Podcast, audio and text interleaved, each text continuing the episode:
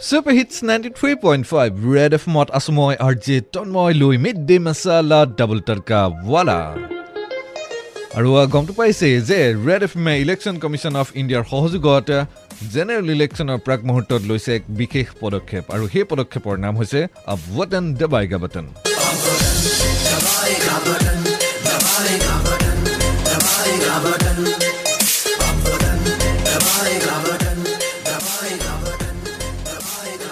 দেশৰ নাগৰিক হিচাপে আমি নিজৰ ভোটাধিকাৰ সাব্যস্ত কৰাটো অতিকৈ জৰুৰী। তাৰ লগতে যিসকল ফাৰ্ষ্ট টাইম ভোটাৰ সেইসকলক সজাগ কৰাৰ বাবে লোৱা হৈছে এই বিশেষ পদক্ষেপ আৰু যিসকল ফাৰ্ষ্ট টাইম ভোটাৰ তেওঁলোকক আমি অনুৰোধ জনাইছিলোঁ যে তেওঁলোকৰ মনতনো কেনেধৰণৰ কি এক্সাইটমেণ্ট প্ৰথমবাৰ ভোটদান প্ৰক্ৰিয়াত অংশগ্ৰহণ কৰিবলৈ যোৱাৰ প্ৰাক মুহূৰ্তত আমাৰ হোৱাটছএপ নম্বৰ যোগে সেয়া জনাবলৈ কৈছিলোঁ double nine five four zero' three nine nine three ফাইভত আৰু বহুতে আমাক জনাই আছে সঁহাৰি। তাৰে মাজৰ এগৰাকী হ'ল জিয়াৰুল হক।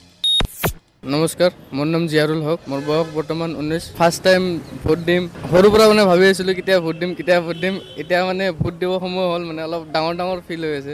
আৰু মোৰ দৰে যিবোৰ এইবাৰ এইবাৰ ফাৰ্ষ্ট টাইম ভোট দিব সেইবোৰক কৈছোঁ মানে কি ভোটটো সকলোৱে দিব লাগে ভোটটো মৌলিক অধিকাৰ। মইতো ভোট দিব যামেই লগত বন্ধু বান্ধৱ যোন যিবোৰ মানে ভোট দিয়া বন্ধ কৰিছে বা বয়স্ক মানুহ যিবোৰ ভোটৰ এইবোৰত নাই বেলেগ নিজৰ কামত ধান্দাত থাকে এইসকলক মানে কম ভোটটো ভোট দিয়া টাইমত মানে লগত লৈ যাব চেষ্টা কৰিম। আৰু ৱাটান দাবাইগে বাটাম আৰু জিয়াৰুলৰ দৰে যদিহে আপুনিও ফাৰ্ষ্ট টাইম ভোটাৰ আৰু আপুনিও জনাব বিচাৰিছে আপোনাৰ মনৰ এক্সাইটমেণ্টখিনি সেয়া তেনেহ'লে লিখি পঠিয়াই দিয়ক double nine five four zero' three nine nine three five নম্বৰত। কাৰণ আমি এইবাৰ কৈ আছোঁ আব ৱটন দবাইগা button.